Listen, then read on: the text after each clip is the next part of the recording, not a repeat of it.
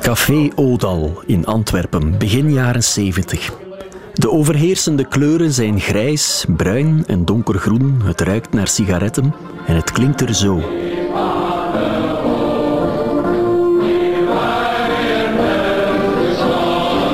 In de kelder van het café dragen ze bonte Indische gewaden. Ruikt het naar patchouli en klinkt het zo.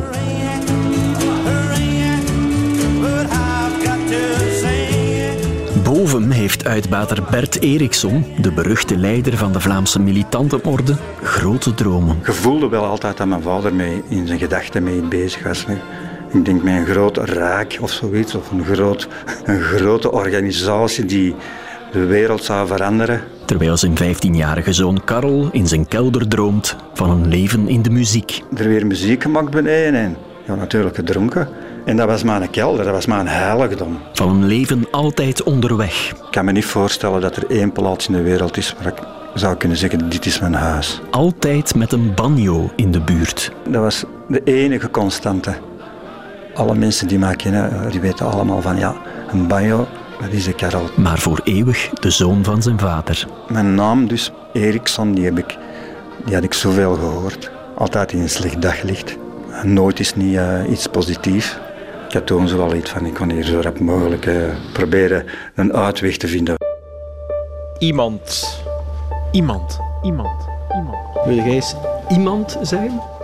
Iemand. Iemand. Iemand. Iemand. Karel. Iemand. Iemand. Zoon van zijn vader.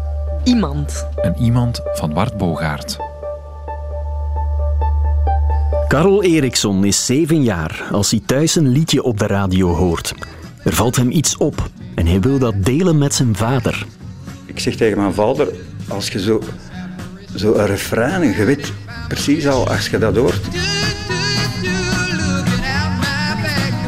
Hoe was dat refrein gaan zijn? Hè? En mijn vader zei, ja ja, het is goed, ga maar slapen, ga maar naar bed, kom. Het typeert de stille Karel dat hij in muziek een aanknopingspunt voor een gesprek ziet. En de reactie typeert zijn stugge, zwijgzame vader. Ik denk, en ik zal ik niet overdrijven, ik denk dat hij twintig woorden in heel zijn leven tegen mij heeft gesproken. Bert Eriksson is een veteraan van de Korea-oorlog. Zoon van een Fins-Zweedse vader en een Hollandse moeder, maar zeer Vlaams voelend.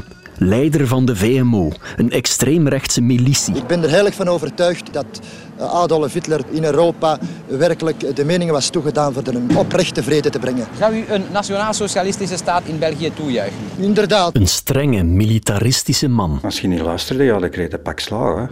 Zo simpel als het, en mijn moeder ook. De sfeer thuis is heel vaak gespannen. Het was ergens in mei, denk ik. En het was moederkesdag en ik kwam mijn moeder verrassen. Ik denk dat ik nogal een heel lief, gevoelig kind was. Dus ik raap al mijn moed bijeen en ik ga er naar binnen en ik geef je een kus. Ik zeg gelukkige moederkesdag.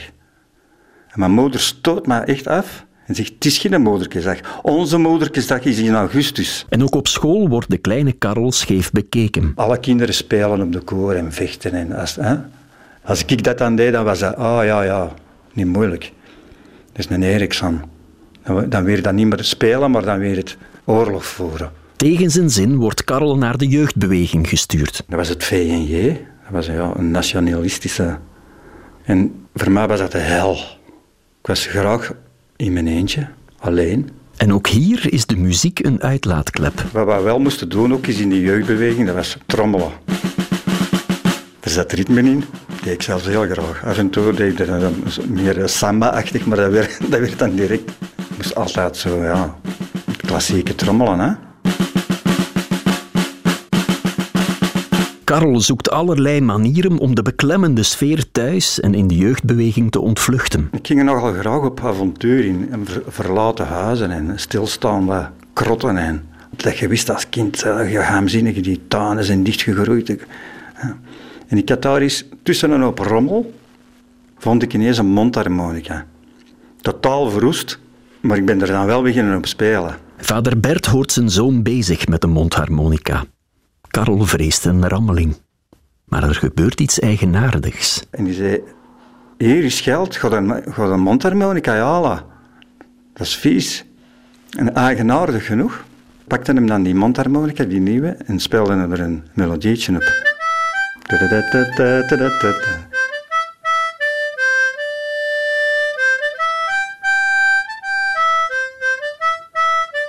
En dan legde hem dat direct weg. De mondharmonica is het eerste van een lange reeks muziekinstrumenten in het leven van Karel. Maar eerst klinkt er andere muziek ten huize Eriksson. Vader Bert, die bij een bierhandelaar werkt, opent begin jaren 70 een eigen café, de Odal.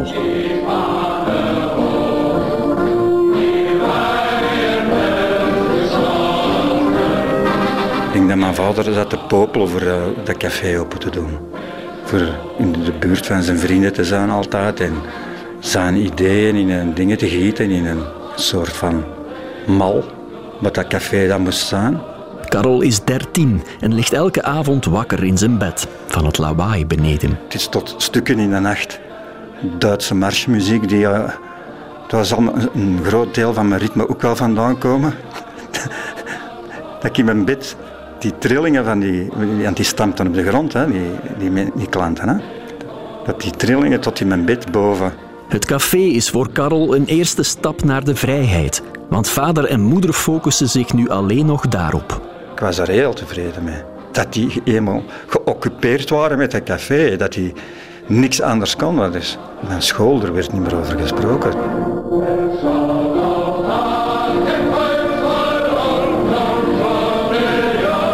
De Odal heeft ook een kelder. Ik moest een plaats hebben voor de... Toen had ik al een versterker de kop kunnen tikken. Er stond een drumstel in de kelder dan van dat café. Ik had dat dan zo goed en als ik kon geïsoleerd met die, van die airtopjes en zo van alles. En dat was mijn kelder, dat was mijn heiligdom. Je hoorde dan wel die muziek boven, maar ja,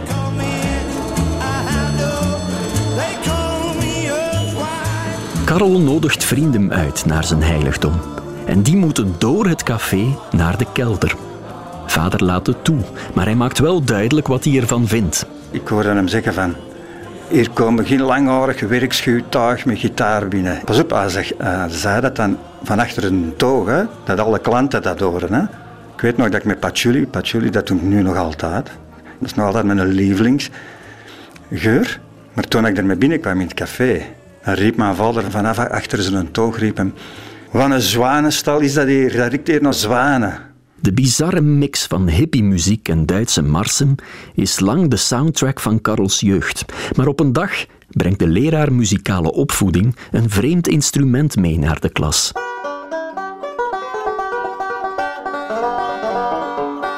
Een banjo. Een five-string banjo. En dat geluid van die five-string banjo, dat, deed me, dat vond ik zo fascinerend. Ik had dat nog nooit gezien. Nog nooit gehoord. En als Karel een paar dagen later het café moet kuisen, doet hij een ontdekking in de LP-bak. Een ontdekking die zijn leven zal veranderen. Ik stop, ik laat alles vallen. En ik denk, wat is dat?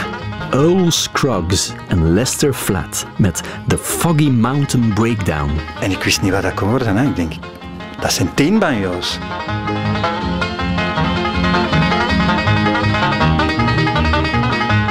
Werelden van vader Bert en zijn puberende zoon Karel kunnen niet verder uit elkaar liggen. Terwijl Karel zichzelf in de kelder banjo leert spelen, werkt Bert in het grootste geheim aan Operatie Delta, de opgraving en herbegrafenis van VNV-leider Staf de Klerk. Ik heb wel gezegd, wat doet dat hier in de keuken? Dat laak. Hij zei dat dat geheim was. En, eh, dat was natuurlijk geen laak, dat was een geraamte. Hè? Ik heb dat gezien natuurlijk. Het is gewoon een, eh, een deel van hoe het er aan toe ging daar in dat café. Het lag in een kamer naast de living. Zijn kamer. Er stond altijd Beethoven op, keihard. Beethoven in vaders kamer. Duitse marsmuziek in de gelachzaal. En banjo-klanken in de kelder. Tot op een bepaald moment dat mijn vader dat beu was of zo. Of dat niet meer zag zitten, dat er meer volk zat soms beneden als boven. Dat hem dan een slot op die kelder heeft gezet. Hè. Dat vond ik echt verraad. Dacht ik, ja, nu kan ik hier ook niet meer blijven wonen. Motorschip Daft Europe, onder het bevel van kapitein Van Bella. Dan heb ik mijn eigen ingeschreven in de pool der zeelieden. Mijn valse handtekening, want ik was nog net geen 16 jaar. Dus ik werd dan aangenomen. En enkele dagen later krijgt hij de opdracht om aan te monsteren op een schip naar New Orleans. Iedereen moet aan boord zijn op 4 juni te 18 uur. Lichtplaats 420. I'm walking to New Orleans. I'm walking to New Orleans. Ik vertrok, ik moest morgens vroeg vertrekken. Ik ging naar de slaapkamer van mijn moeder en mijn vader en die, ja, die waren nog aan het slapen natuurlijk. Hè. Dus ik zeg ja, salut hè. in stilte. Ik was zo blij dat ik er weg was. Met een klein koffertje en een gitaar trekt Karel Eriksson, 15 jaar, nog nooit buiten Antwerpen geweest, voor een jaar op avontuur. I'm leaving here today. Yes, I'm going back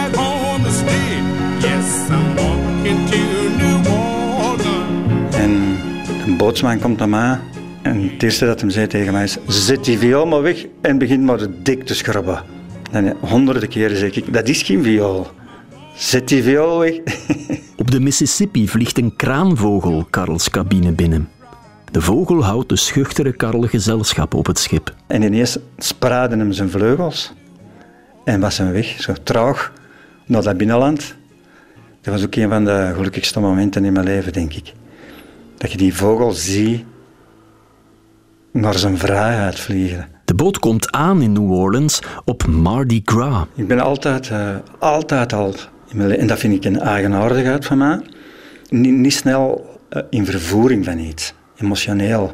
Maar als ik een carnaval zie, dan kan ik mijn tranen niet bedwingen. Dan maakt iets los in mij. Dat, dat mensen zo hun eigen kunnen ver, in een andere persoon verkleden voor even te kunnen zijn of zoiets. Het leven op de boot is hard, maar Karel geniet. Ik was echt verlost van alles hier in België. Maar ik wist al zeker dat dat niks voor mij was. Dit is wel oké op die boot hier, hè? maar je komt in een haven en dat is het dan. Hè? Toen dacht ik echt van, ik wil dit doen over land allemaal. En ik dacht in mijn eigen, vanaf nu wil ik alleen nog maar reizen.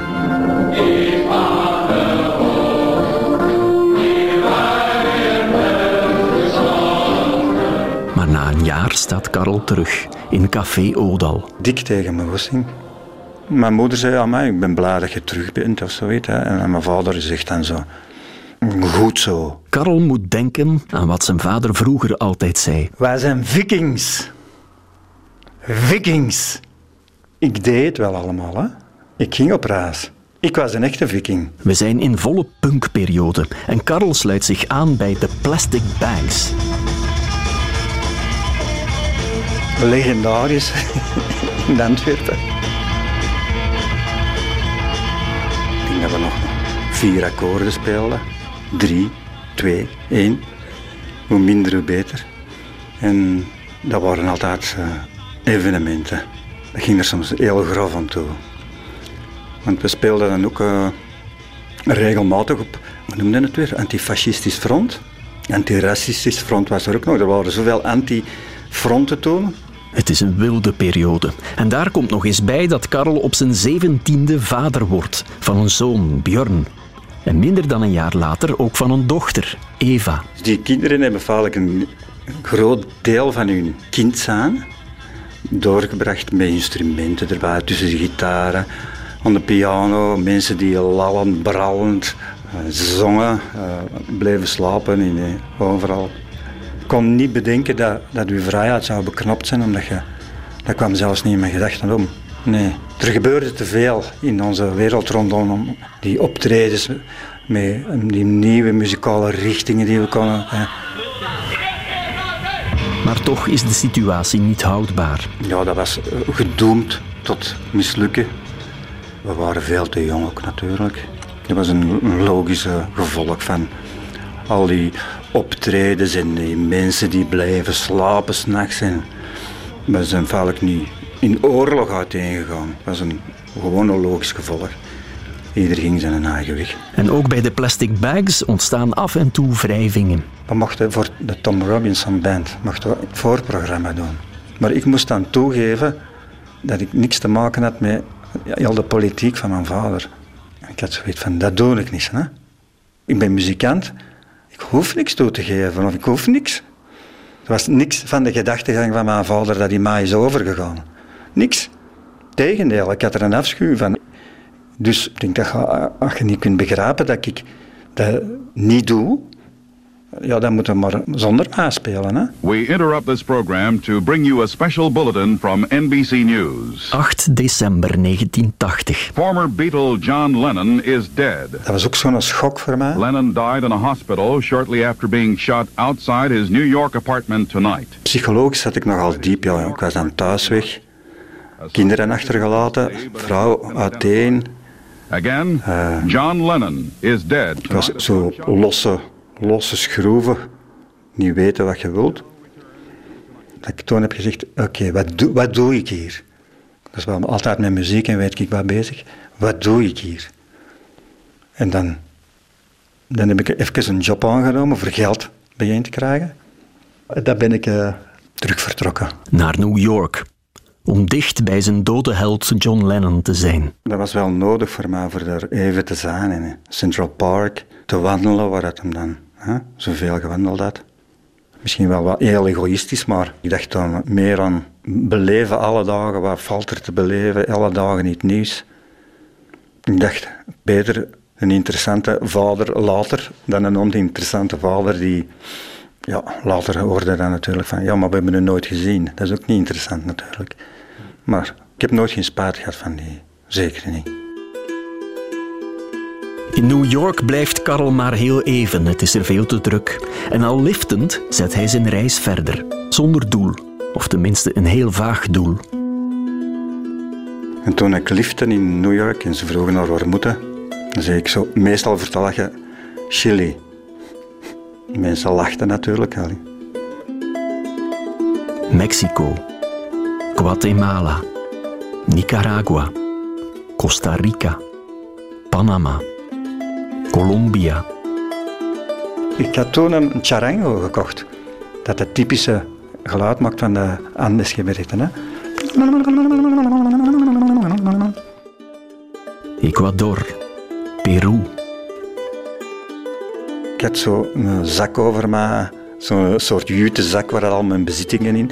En ik had nogal duidelijk een mes ook, een, groot, een heel groot zakmes. Eigenlijk meer een dolk die zichtbaar op mijn heup verwilderd uitziet. Ik had mijn schoenen toen al twee keer genaaid zelf. Die zolen er terug aangenaaid.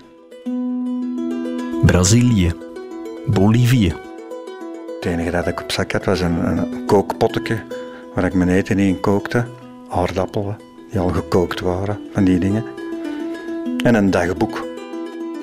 Maar uiteindelijk ben ik dan nog in Chili aangekomen ook. Chili. En dat was het einde van die reis dan.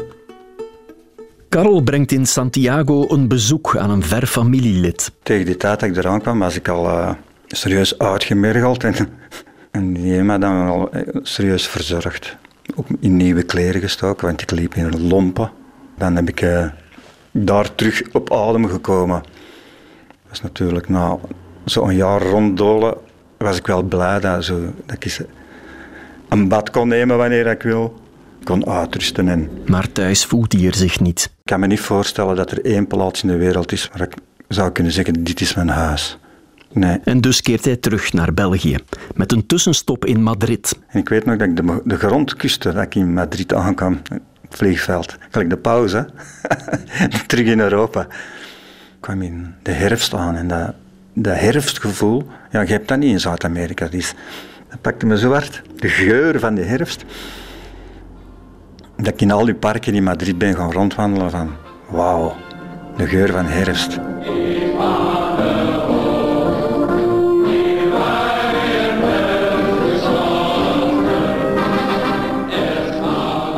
Terug in België springt Karel nog eens binnen in de Odal. zoals gewoonlijk, er weer niet gesproken was. Ik denk dat hem ook wel jaloers is geweest op al die, die reizen die ik al maakte van, eh, ja, van mijn 16 jaar al. Toch spijt dat hij nooit die reizen heeft kunnen doen. Maar Bert Eriksson haalt zijn achterstand in. Op een dag komt het Karel ter oren dat zijn vader met een groep vrienden uit de Odal naar Amerika getrokken is. De leiders van de Koekoeksklan bezoeken. Echt. Hebben ze echt gedaan dus. Maar ja, de inlichtingsdiensten uh, zijn daarachter gekomen en die hebben die uit het land gezet. Ik vond dat toen niet te doen. Dat kan maar ook maar een visum voor eeuwig kosten. Dat ik nooit niet meer in Amerika zou binnen mogen. Stel je voor. Het nieuwe muzikale project van Karel heet De Familie Jansen.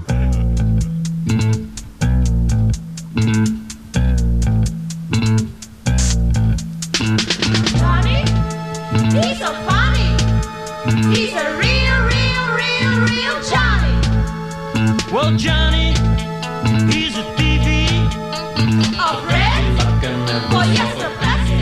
gebeurt nu heel veel op korte tijd in het leven van Karel. Uit een korte relatie met een medestudente uit de Spaanse les wordt zijn derde kind, Thomas, geboren. Maar ook voor Thomas is Karel een afwezige vader. Hij sluit zich aan bij het Derde Wereldtheater van vriend Shijn Bervoets en reist de wereld rond. In Suriname beleven ze een hachelijk avontuur. Er waren vier rebellen. Die werden opgespoord omdat die een aanslag hadden gedaan op het ministerieel gebouw in Paramaribo. En wij waren vier blanken. We zaten in hotel uh, Kresnapolski. en ja, uh, s'avonds stormden die militairen aan ons kamer binnen. Van, ja, wat waren het dan? Ze stond dat ziet. Dus wij wisten niet wat er gebeurde natuurlijk. De militairen die hotelkamer en dan moesten we verklaren hoe lang dat we, ja, dat we op een culturele uitwisseling hier aanwezig waren, dat we niks met die rebellen te maken hadden. ik zie de gender nog staan, zo wit als een laak. Maar een schone, echt een schone belevenis. Hè. Meteen daarna komt kind 4. Met een vrouw die hij in Café de Linde leert kennen, waar hij bijklust. En het kind krijgt een bijzondere naam. Fanta. Dat is een veel voorkomende naam in Afrika. Ik vond dat een prachtige naam. Ik had natuurlijk uh, Van der Slagmulders had ik nooit Fanta genoemd. Eriksson ook niet, maar de mama noemde Frey. En ik denk, Fanta Frey, ja, dat klinkt als een bus. Later heeft hij haar naam veranderd, want het was natuurlijk altijd een broerlijke cola. Of wat? Je moet niet vragen hoe naïef dat ik dan ben, dat ik dat niet overweeg. Ik zei het al, het gaat nu snel. Via de moeder van Fanta belandt Karel op Kreta. Maar daar blijft hij al snel alleen achter. Zonder kinderen, zonder muziek. Uit zijn venster ziet hij alleen olijfbomen. Kilometers en kilometers ver. Een boer kwam mij elke morgen halen, als de zon opkwam. Daar rijden de velden in. En dan begint de onder olijven. Dat is best wel zwaar werk. En dan kwam de s'avonds terug. Dan moesten al die zakken die je vol olijven had gedaan, van de bomen geslagen met stokken, dan moesten die in zakken dat waren zakken van wel 70 kilo. Moesten die nog op de camion, moest die camion nog naar de fabriek. Dan kon dan nog juist in het dorp een paar rakjes gaan drinken. En dan wilde natuurlijk als een blok in slaap. En s'morgen stond die boer er weer. Karel is een jaar lang olijfboer en hij spreekt al een aardig mondje Grieks. Het was midden in de winter en in Kreta kan het echt wel sneeuwen, hè? koud. En ik was juist aan het douchen, het was ijskoud buiten. En ik hoor stemmen. En die denk maar, allee, ik ken die stem precies. En ik ga kijken dan, en ik zie voorbij, er staan allemaal van die stenen muren daar. Zo, hè. En ik zie mijn zoon voorbij komen gewandeld. Ik kom onder dat water vandaan, ik gooi een handdoek over mij. Ik ga kijken. Ja, en Eva, mijn dochter dan, die slenterde er zo'n 100 meter achteraan. Die waren op zoek. Die zijn in Antwerpen vertrokken. Dan waren die 13 en 14 jaar. Tuurlijk was ik trots. Karel heeft zijn kinderen dan al een hele tijd niet meer gezien. Maar er moet niet veel gezegd worden. Want er is de taal van de muziek.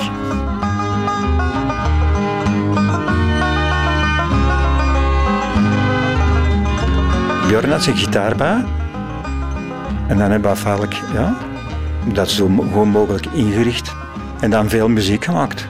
Ik uh, speelde toen banjo en gitaar.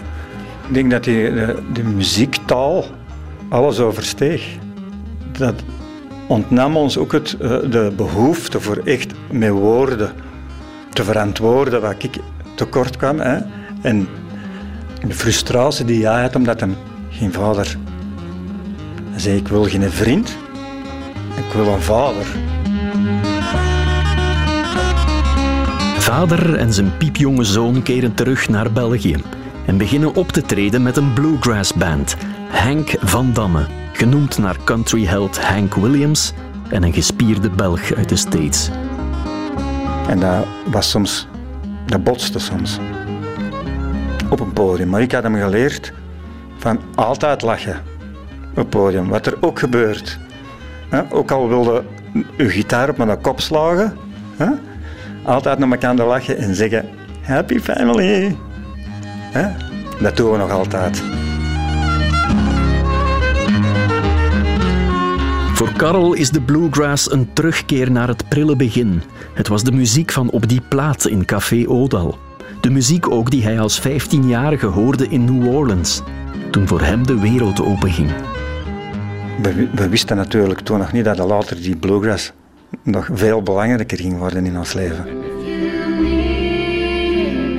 De Bluegrass Band wordt geleidelijk een Cajun Band, een ander genre dat Karel destijds in New Orleans heeft opgepikt.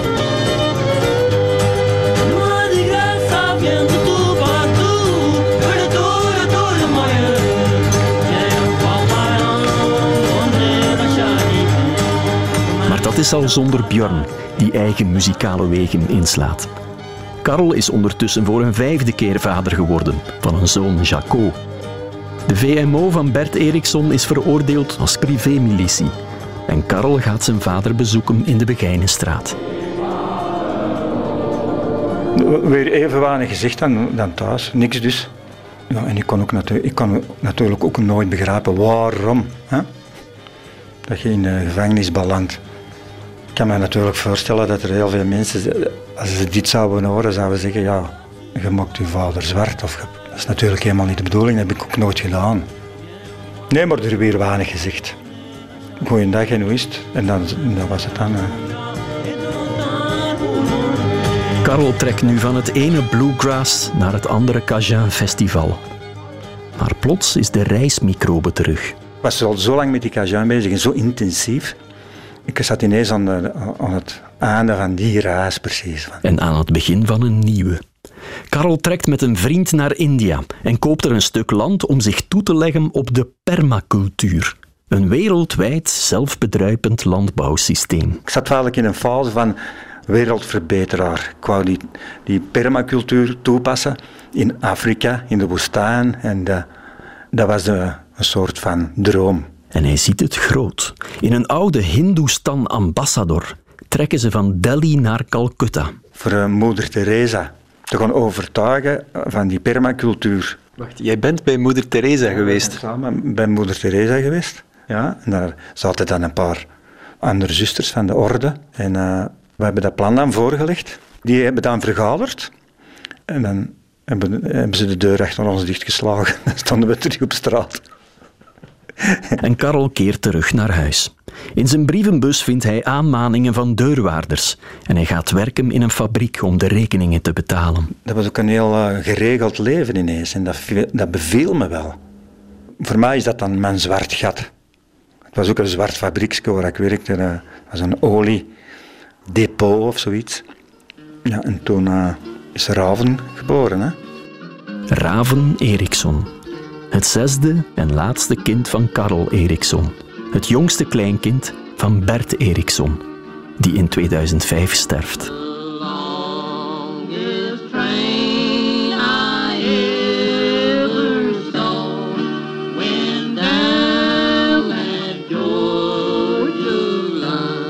En misschien veel mensen gaan dat niet graag horen, maar hij lag zelf in dubio over wat dat betekend had of trachtte te betekenen.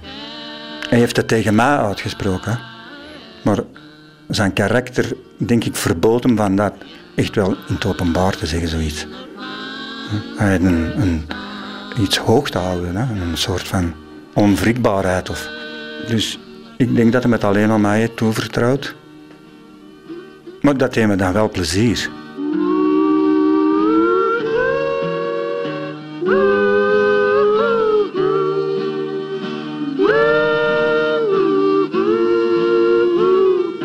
De begrafenis spelen Karel en Björn In the Pines, een oude bluegrass-klassieker.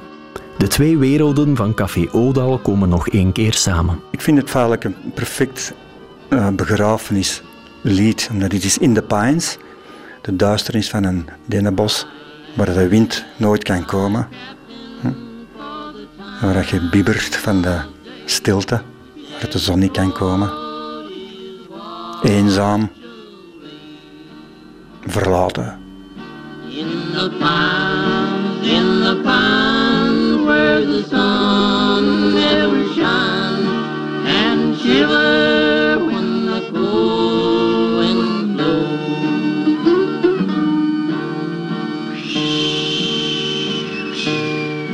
Het was natuurlijk niet gemakkelijk. Het was natuurlijk een legertje van oud-militanten en al die mensen stonden er dan in het gelid en zo. Eh. Maar vooraf, voor ons aan te kondigen, zei ik, als onze vader thuis alleen was, dan betekende VMO voor hem voor meer ontspanning. Dus er kwam geruis in de gelederen toen ik dat zo zei. Maar dan begonnen we te zingen en dan ja, dat was het dan. Ik was blij dat ik dat toch gezegd had en ook gezongen.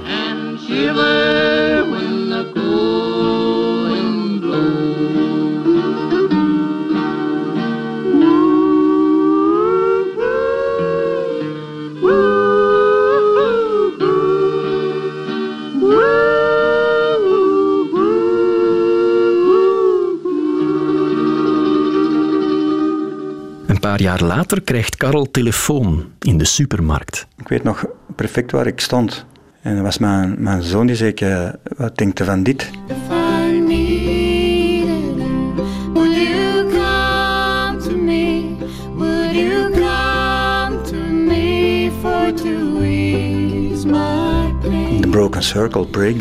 you. Would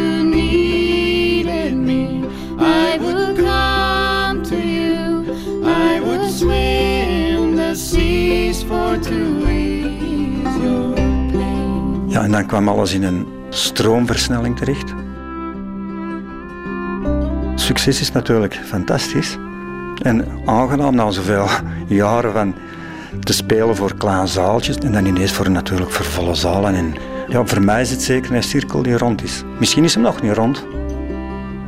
Maar wat, die, wat de muziek betreft toch zeker. Ik was zo schatplichtig aan die muziek en, en door die film is dat echt op zijn pootjes gekomen. Ik dacht, feitelijk een droom die uitkomt. De muzikale droom van In de Kelder. En de reisdroom van In de Scheepskajuit. Want nog één keer laat Karel alles vallen om de wijde wereld in te trekken. Ik had mijn banjo bij en hij had een gitaar bij. Als er misschien nog mensen zijn die ooit eh, de Mardi Cola gaan doen in Nepal en in Highcamp terechtkomen, zullen ze daar gitaar zien staan. En dat is de gitaar van Raven Eriksson, die heeft hij erachter gelaten. En daar hangt een soort oorkonde van ons muzikaal, onze muzikale week dat we erboven hebben doorgebracht.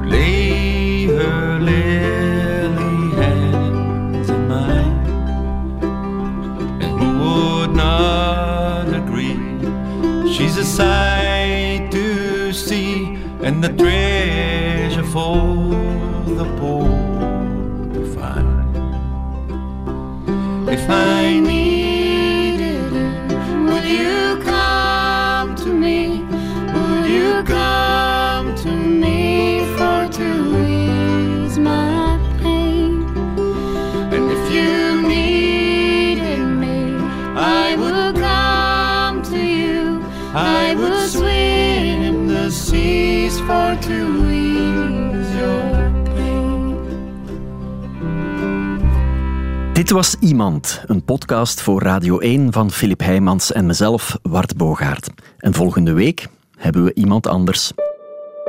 Dus haar lingerie zat daar een trouwboekje waar dat eraan geprutst was. En ik zag dat er van alles gekrabbeld was op dat trouwboekje. Was er van alles gekrabbeld. Ik vond dat wel heel raar. Kijk, we moeten nu, nu toch een keer spreken. Wij moeten nu toch een keer met elkaar spreken en we moeten nu wat vertellen. En mijn moeder die, uh, is dan de doodstraf gekregen. Maar aangezien dat ze de doodstraf kreeg, gingen ze haar dus wel afschieten eigenlijk. Hè? Ondertussen vind je ons op radio1.be of op de Twitter- of Facebookpagina van Radio 1.